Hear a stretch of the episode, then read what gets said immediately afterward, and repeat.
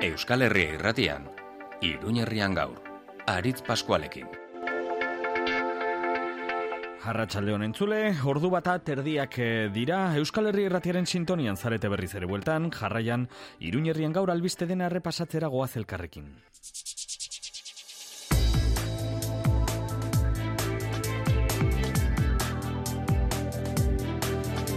Non dago kritikaren muga? Zeren arabera erabakitzen da pertsona bat, kolektibo bat edo enpresa bat iraindua izan den edo ez?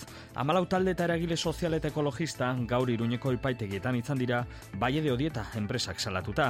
Txosten bat sinatu zuten guztien artean, txosten teknikoa, zientifikoa, non ondorio estatzen zen, ezen iritzia, datuetan oinarrituta zegoen dena, kaparrosoko beitegian hainbat lan ilegalak zirela eta bertako jarduerak eragin kaltegarriak zituela inguru girorako. Txosten teknikoa zen. Ustiategiko enpresak ordea iraintzat hartu zituen datu hauek eta salak eta jarri du eragile eta talde hauen kontra. Gaur izan dute adiskidetze ekitaldia eta nola ez, ez dute haien hitza, haien txostena erretiratu. Gauzak horrela berriz ere hasierako galderaragoaz, non dago muga, edo zein txosten adirazpen edo datu emateagatik epaitegitara jotzen bada, non geratuko da kritikarako eskubidea? Gaur goizean epaitegitan izan gara kolektibo hauen protesta jarraitzen eta epaile aurrean izan aurretik haiekin mintzatzen adituko ditugu beren ahotsak eta iritziak Euskal Herria irratiaren albiste kontakizun honetan. Protestan ere dira azken hilabeteotan, zero iru zikloko ezitzaile eta eskoletako zaintzaileak eta zuzendariak, kezkatuta daude Nafarroko gobernuak ez duelako aurrera pausuarik ematen zikloaren duintzean, gaur PSN erekin alderdi sozialistarekin bildu dira mobilizazio indartsuagoak egitearen bezperan. Bihar osteguna parlamentuko bilkura garrantzitsua izanen da, azken asteotako gaiak eztabaidatuko baitira, tartean estatuarekin sinatu beharreko hitzarmen ekonomikoa txibitek Navarra sumarekin batera aurrera aterako duen eta bestetik erligio irakasleen hauzia honetan ere gobernukideak berezita izanen direna.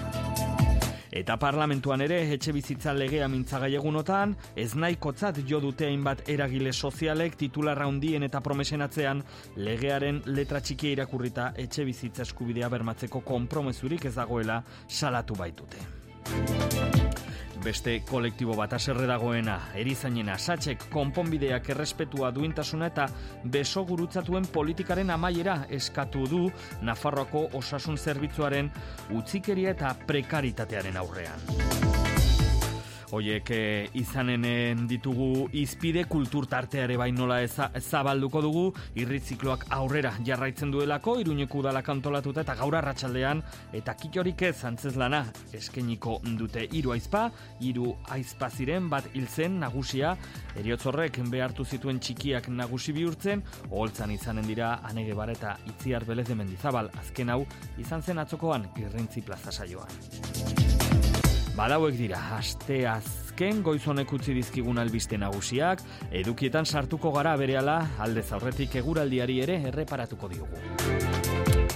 Eutxi nahi dio eguraldiak fronteari eta momentu zerua ilun eta odeituta dugun arren ez da prezipitazio handiegirik heldu gugana, baino badator, badator negu frontea. Arratxalderako ere horrelako eguraldia ematen dute meteorologian adituek, baina ilun abarretik aurrera desegon kortasuna nagusituko da eta edozein unetan ekaitzak izan ditzazkegula diote. Temperaturek beheruntze egiten eh, jarraitzen dute eta esan bezala ostiralean negu frontea ailegatuko da bete-betean. Maila basuetan irureun metro ingurutan elurra utz dezaketena. Iragarpenak oso aldakorrak dira, momentu zostirala talarun bat arteko gau horretarako ematen dute unerik zailenak, elurteak, ikusi beharko da egunak gerturatu ahala gehiago zehaztu daitezken iragarpen guzti hauek une honetan esan bezala ateri zerua gris ilun odei zenbaitekin eta amaika gradu markatzen ditu Euskal Herri erratiko gure termometroa kordu bata eta hogeita mabos minutu direnean Igor Eskudero tamendi kontrolean gidari asteragoaz Iruñerrian gaur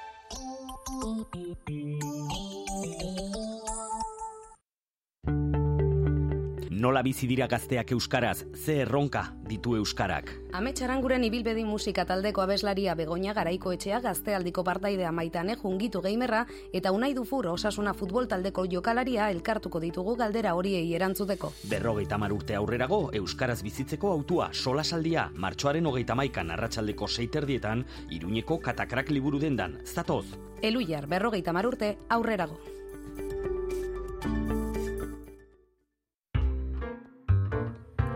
Aran taberna jatetxea, etxean bezala bazkaldu.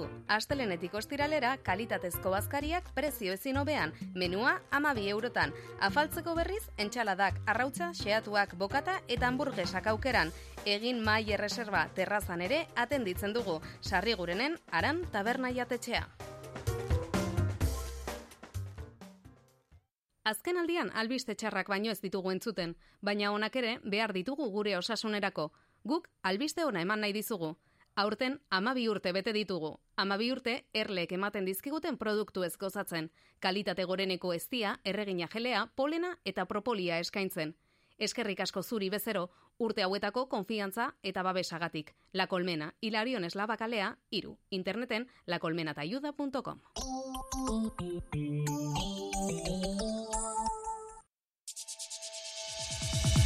Iruñerrian gaur albisteak.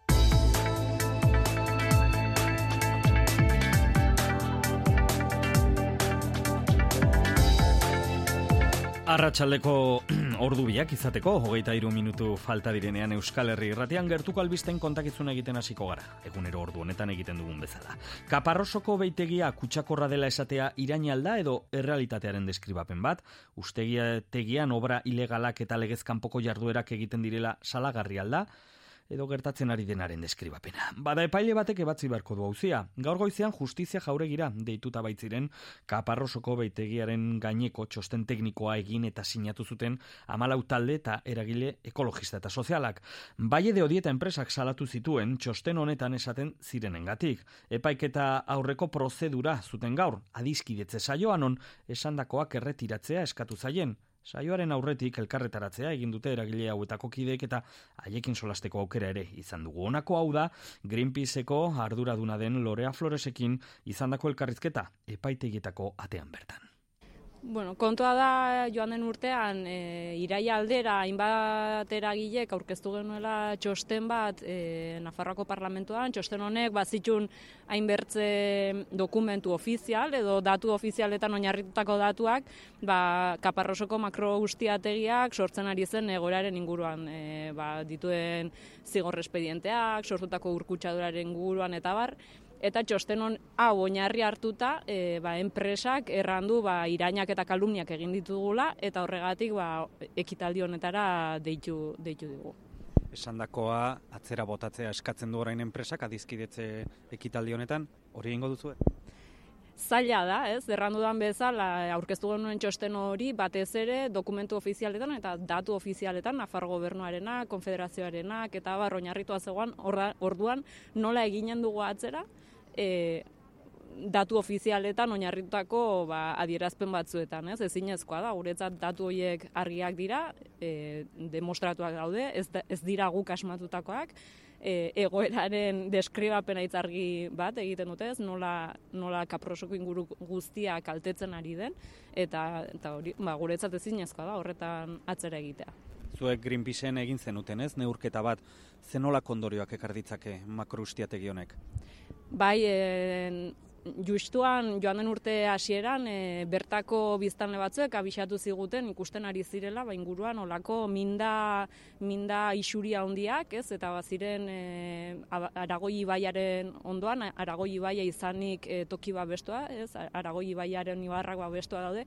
E, ikusi genuen bazirela minda pilaketa hondiak egin genituen hainbat urputzutan neurketak eta eta neurri mm, kontzentrazio, nitrato kontzentrazio kezkagarriak topatu genitun. Honek e, gero mm, Nafarroako gobernuko uraren kalitateko datuak ikusita ere, ikusi dugu nola 2000 marra ezkeroztik, justo enpresaren aktivitatea hasi zen ezkeroztik, e, nitrato kopuru hauek gorantza doazela eta dagoeneko Bilafrankako herritarrek ezin dute beraien e, hor badago akuiferoa, lurrazpiko ura ezin dute bertatik ura edan e, nitrato mailak baia kutsagarriegiak direlako. Eta horren enpresak esaten du ura garbitzeko ba, sistema berri bat, ez? E, ezarreko duela.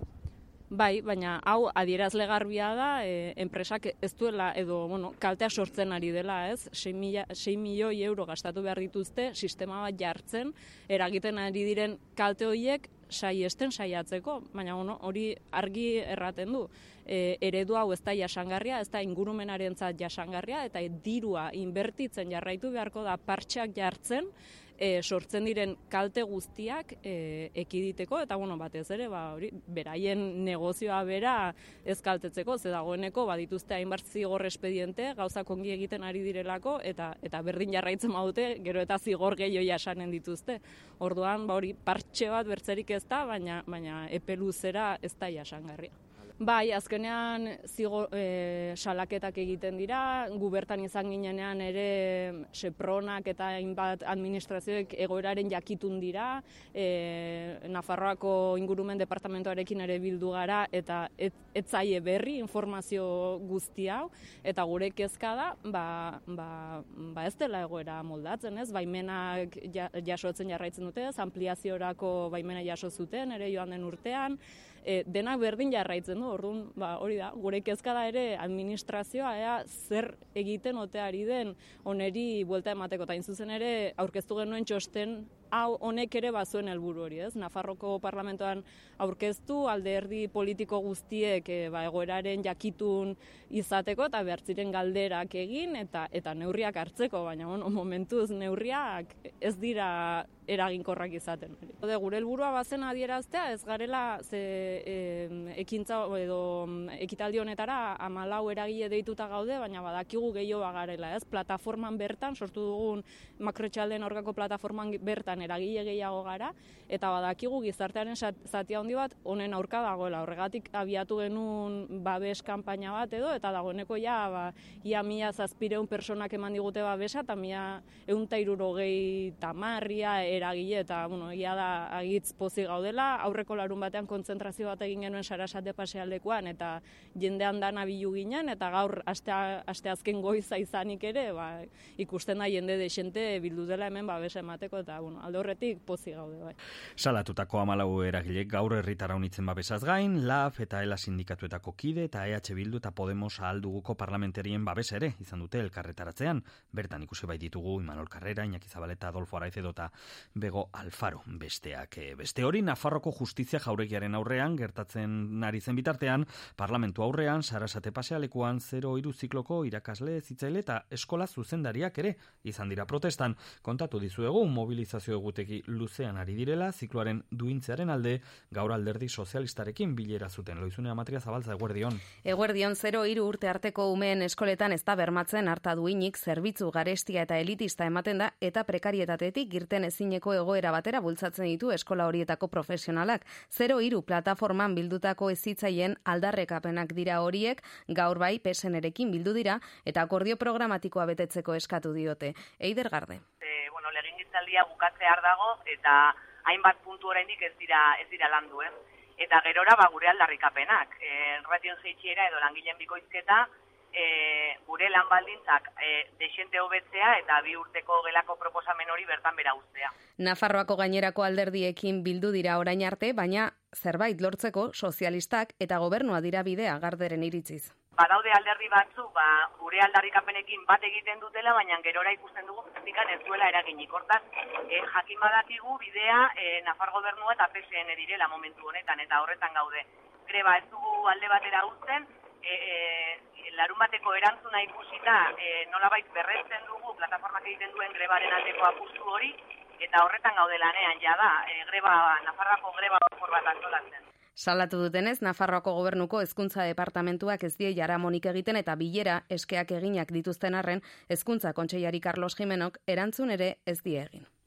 Eta parlamentutik e, mugitu gabe, loizune, bihar bilkura berezia izanen da. Landuko eztabaidatuko diren gaien artean, gobernukideen arteko desadostasun ugari direlako. Bihar onartuko da, esate baterako, abendutik blokeatuta dagoen estatuarekin sinatu beharreko hitzarmen ekonomikoa, gaur gaia jorratu dugu hemen, Euskal Herri Irratiko parlamentarien solasaldian. Abenduaren amaieran egin zuen lehenengo saiakera Nafarroako gobernuak Espainiakoarekin adostutako testua parlamentuan onartzeko, geroa bai gobernukideak eta EH Bilduk aurka bozkatuko zutela iragarri zuten, hori eta Navarra sumaren ezezkoaren aurrean atzera egitea erabaki zuen esekutiboak hiru hilabete geroago testu berbera eramango dute bi alganberara, geroa baik eta EH Bilduk eskatutakoa hau da imputazio indizea ezartzea parlamentuaren esku mantentzea, ez dute onartu eta hala astentziora joko dute EH Bilduko bakartxorriz. E, guk uste dugu parlamentua jarraitu behar duela izaten eskumena boskatzeko imputazio indizea, legia, Nafarroak estatuari egiten dion ekarpen horren portzentai hori e, horren alde egiteko, ala aldatzeko, inoiz aldatzeko proposamenik e, balego. Hori aldatu nahi izan dute, eta hori mantendu dute, beraz, da, ba, Navarra sumak, e, ez zuen alde boskatuko, orain dela iru jabete, mhm. ekarri zenean, eta orain, bueno, pues antza, e, magia, magia ariketa baten baitan, ba, testu berberari, baiezkoan. Abenduan ez ez bozkatu behar zuen testuari baiezko botoa emanen dio bai bihar nabarra sumak eta gero abaiko Maria Solanak teoria bat du iritzi aldaketa hori azaltzeko. Lan erreformaren inguruan eta UPN eta PSOEren arteko akordioa zaritu ginen horretan, e, bueno, pues uste genuen horratzean bazirela bestelako gai batzuk eta bestelako akordio batzuk etortzear zeudenak eta horren hildotik etor zitezkenak, ez? Eta iruditzen zaigu horrelako em, akordioak badirela horren erakusle eta badela hor gogo bat eta borondate bat. Beste gauzatarako erakusten ez duten borondate eta gogoa, bueno, pues hor jartzen dute dena. Arrautza guztiak txaski horretan. Eta gogoz eta eta ahalegintzen egunez egun eta saiatzen gurekin edo gainontzeko sozioekin saiatzen ez diren guzti hori, ez? Eta energia guztia dute jarrita horretan, bilatzen babesa non eta UPNen. Hitzarmenaren historiako seigarren aldaketak koordinazio batzordearen esku utziko du beraz inputazio indizea, baino bestelako berrikuntzak ere ekarriko ditu. Nafarroako gasunak hiru zerga figura berri bilduko ditu eta hitzarmen berria Nafarroako parlamentuak zein Madrilgo diputatuen kongresuak babestean. Hemen Nafarroan PSNek alduguk ezkerrak eta Navarra somakalde bozkatuko dute eta alderdi abertzalen astentzioa izanen du. Desadostasunak beraz e, gobernukideen eh, artean, bai, batez ere txibiteren taldea eta geroa bairen artean, hitzarmen ekonomiko honen inguruan desadostasunak ere erlijio ikasgaia ematen duten irakasleen egoeraz eta etorkizunaz, kasu honetan geroa bai Navarra sumarekin egin baitezake bat.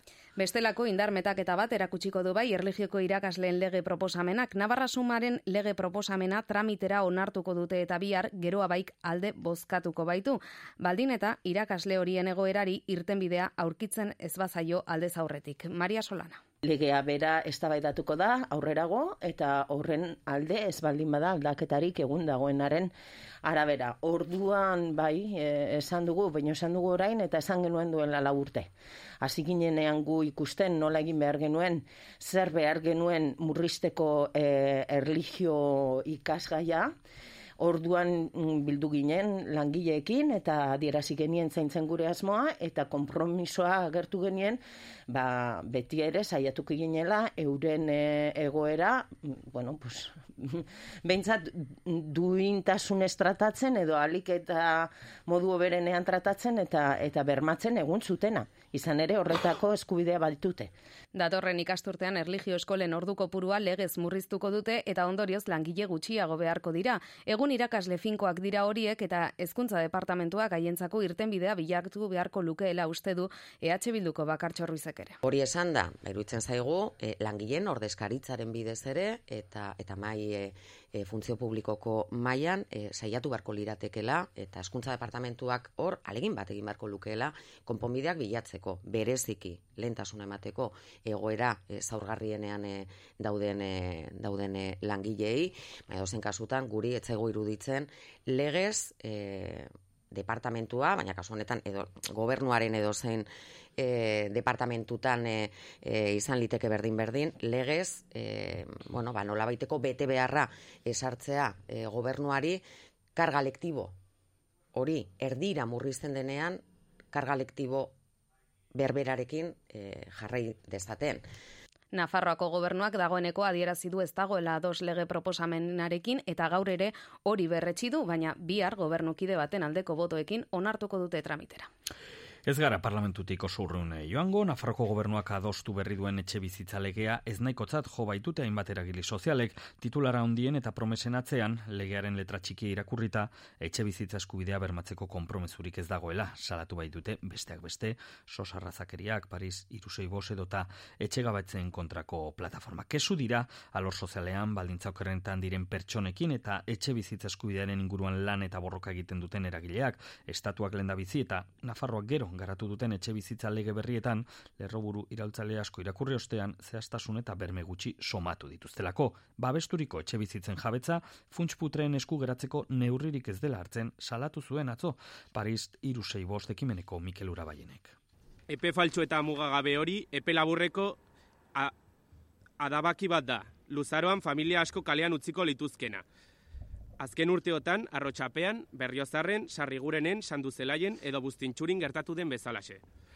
Eraikuntza enpresak familia horien kontratua aberasten jarraituko dira, hogeita bat urtez etxe bizitzaren errenta kobratzeari eta etxe bizitza horiek eraikitzeko laguntza publikoei esker.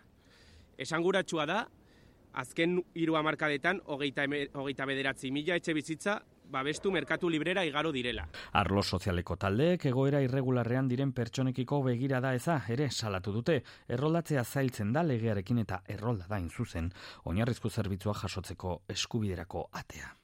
Legaldak eta honek ez du erroldatzea inolare errazten. Pertsona askok zerbitzu eta prestazioa unitz eskura izan gabe jarraituko dute, prestakuntza ofizialak eta etxebizitza laguntza jasotzeko aukerari gabe esate baterako. Legeak aurrera egiten badu, administrazio egora irregularrean dauden pertsonak ezin izango dute etxe bizitza babestuen errolda edo Davide Mantzipa laguntzak eskatu. Gaur ere, kesu den beste sektore baten ahotsa ere bai ezagutu dugu, erizainena. Satxek konponbideak errespetua duintasuna eta beso gurutzatuen politikaren amaiera eskatu du Nafarroko osasun zerbitzeoaren utzikeri eta prekaritatearen aurrean. Koronavirusaren datuen beherakadarekin administrazioa lasaitu egin dela uste du Satxe sindikatua konpromisoak konpromisoak bete gabe jarraitzen duela salatu dute Pedro Aikoa Satxeko Nafarroako idazkari ordea. Todos los problemas del Servicio Navarro de Salud se han hecho crónicos. Problemas de siempre y los no tanto. Erizainek eta fisioterapeutek elkarretaratzea egin dute gaur zerbitzuaren egoitzaren aurrean eta honakoak eskatu dituzte. Mejoras laborales, reconocimiento profesional y retributivo. Europako bataz bestekoa zortziko mazortzi erizaindan biztanleko eta Nafarroa ia bataz besteko horretara hurbiltzen da. Hala ere sindikatuak aldarrikatu du amalau eta ama bosteri zainarteko ratioa izan behar duela helburu Nafarroako gobernua. Mi esker loizune, gaur arratsaldean erabakitzeko eskubidearen aldeko gure eskudago ekimenak, uda honetako ekimen berezia aurkeztuko du. Pirineetako bidea izanen da, euntamar gailurretara igotzeko deia eginen dute herrialde katalanetako kideekin eh, batera. Maior Albarezek azaldu digu gaur goizean Euskal Herri irratian. Igerretik kap de kreuzera edo kap de kreuzetik igerrera e, lagun katranekin batera iurun gaiur baino gehiago argizatuko ditugu zaienen bian, pirinatan zehar. Euskaldun hori, Euskal Herritarroi tokatu zaigu igerretikan e, benaskera inoko zatia, e, eunda amar, eunda mabos gaiur, gaiur inguru, hori da, bota degun erronka. Buru nagusia e, argia da, eta da, bueno, lehen mobilizazio herritarra da, e, Euskal Herritarrok eta da Kataluniako herritarrok elkarlanean planteatzen duguna, eta, bueno, ba, mezuan nazioarteko komunitateari eta munduari helarazi nahi diogu, ez? Ba, e, Euskal Herritarrok eta e, Katalanok ba, Iritziaren tartea jarraian hemen Euskal Herri irratian Imanol Kainamaresek egin digu gorko zutabea. Gorritxo, sistemas de descansoren eskutik, plaza. Gorritxo, sistemas de descanso, benetako atxeden aldiaren plazerra. Jakinduriaren etxea apurtu, ikasle grebaz. Enpresak ezkuntzatik kanpora, zioen martxoaren hogeita lauko ikasle grebako pankarta batek. Hezkuntza ere obretan dago, eta lan erreforman bezala, ezer konpontzetik urrun eskola porrota bezalako arazoak estaltzea eta sistema egonkortzea du helburu estatuak. Digitalizazioa, ekintzaietza, gaitasun tekno-matematikoak, enpresen esku hartzea, eta abar luzeek esan nahi argia dute, kapitalaren modernizazioa. Milaka ikasle atera ziren kalera ego euskal herriko lau hiriburuetan, eta hogeita malau gazte atxilotu zituzten gazteizen, pikete batzuetan parte hartzeagatik. Hogeita malau bai, ondo ulertu duzu. Doakiela hemendik besarka bat. Zkuntzak, labur esan da, bi funtzio nagusi betetzen ditu. Soldatapeko lanerako prestatzea eta disiplinatzea. Mundua pentsatu eta jokatzeko modu bat erakustea alegia. Logika horrek, hezkuntzai bilbide osoa determinatzen du eta meritokraziak bere lan egiten du behar diren profil konkretuak merkatura bideratzeko. Gainontzekoak hor konpon.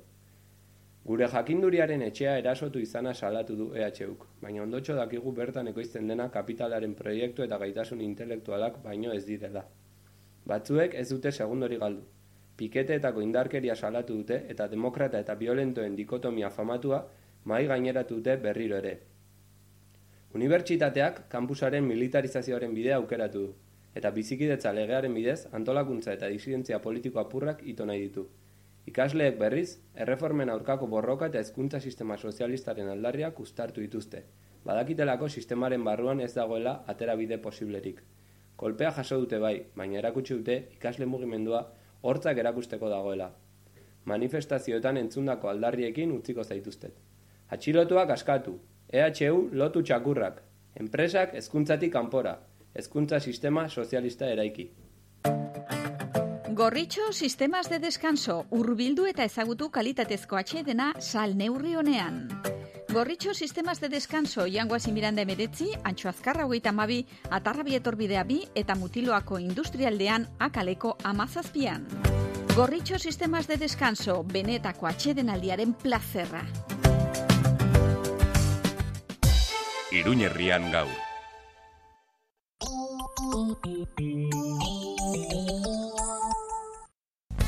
Orain zerbitzu berria, telemedikuntza teknologiarik aurreratuena zure eskura. Erretinaren patologiak prebenitzeko begia aztertzen dugu, baina orain begininia dilatatzeko tanten beharri gabe, azterketa pertsonalizatua. Optika Iruña, Aiozko Monasterioa lau, Donibane auzoan eta optikairuna.com webunean. Noainen, serreria espartza. Zurdindegi eta ebanisterietarako hornikuntza. Altzariak, eskailerak eta upelak egiteko askotariko zura.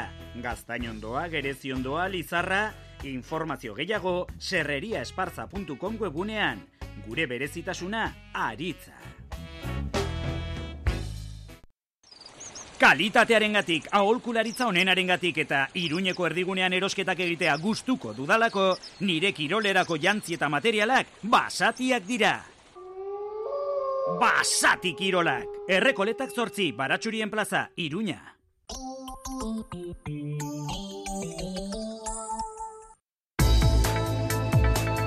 Euskal Herri irratiaren albiste kontakizuen entzuten erizarete, gaur arratsalderako proposamen bat, irrizikloaren, une, urrengo saioa, Josu Ganuza Garzia. Umore absurdoa, kritika eta topikoak, horiek biltzen ditu les bobe-bobe, konpainieren obrak oholtzan. Josune Belez de Mendizabal, aktorearen hitzetan, ikuslea islatuta sentituko da, hainbatetan eskenatokian ikusten dituenekin eta mugekin jolasten dugu. Dago maitasuna eta gorrotoa, ez? Guk egiten duguna da, eta askotan jendeak esan diguna, ba, ikusten da, bi aizten arteko erlazioa nondik doan, eta jendea oso, oso empatikoa da, batzutan norrekin esaten du, bai, ezken nire gauza bera gertatzen da, eta batzutan ezin zara bizi e, pertsona hori gabe, e, baina beste batzutan, uf, esaten duzu, bueno, Bi aizparen arteko harremana azaltzen du, etxean itxita bizi direnak. Aizpa nagusia hilda eta jen kabuz ezagutuko dute egunerokotasunean moldatzearen erronka. Bikiak dira, baina erabat desberdinak fisikoki eta jarrera aldetik. Batzuetan elkarrekin besterik ez dute egon nahi, bestetan ahalik eta urrutien noski etxe barruan itxita egonta. Eta hau dana plazaratzen dugu, ba, esan duan bezala, ba, umore absurdoarekin Mhm. eta oso fisikoa ere bai. Bi aizpauek, ba, harrapatuta daude. Modu metaforikoan, baina, baina mm, bada ere e, leku, leku zehatz batean harrapatuta daude. Hortaz, ezkena gertatzen da hortxe. Esan bezala, irrizikloaren baitan eskainiteko obra da eta kitxorik ez, eta gaur arratsaldeko zazpietan eskainiko dute Nafarroako antzerki eskolan. Beraz gaur arratsalderako plana, Josu Anuzak egin diguna irrizikloaren eh, emankizun eh, honetan onaino albiste kontakizuna hemen Euskal Herri Irratiaren eh, sintonian gogoratu gure eh, eduki guztiak euskalherriirratia.eus gure webunean entzungai eta irakurgai dituzuela. Bier arten zule.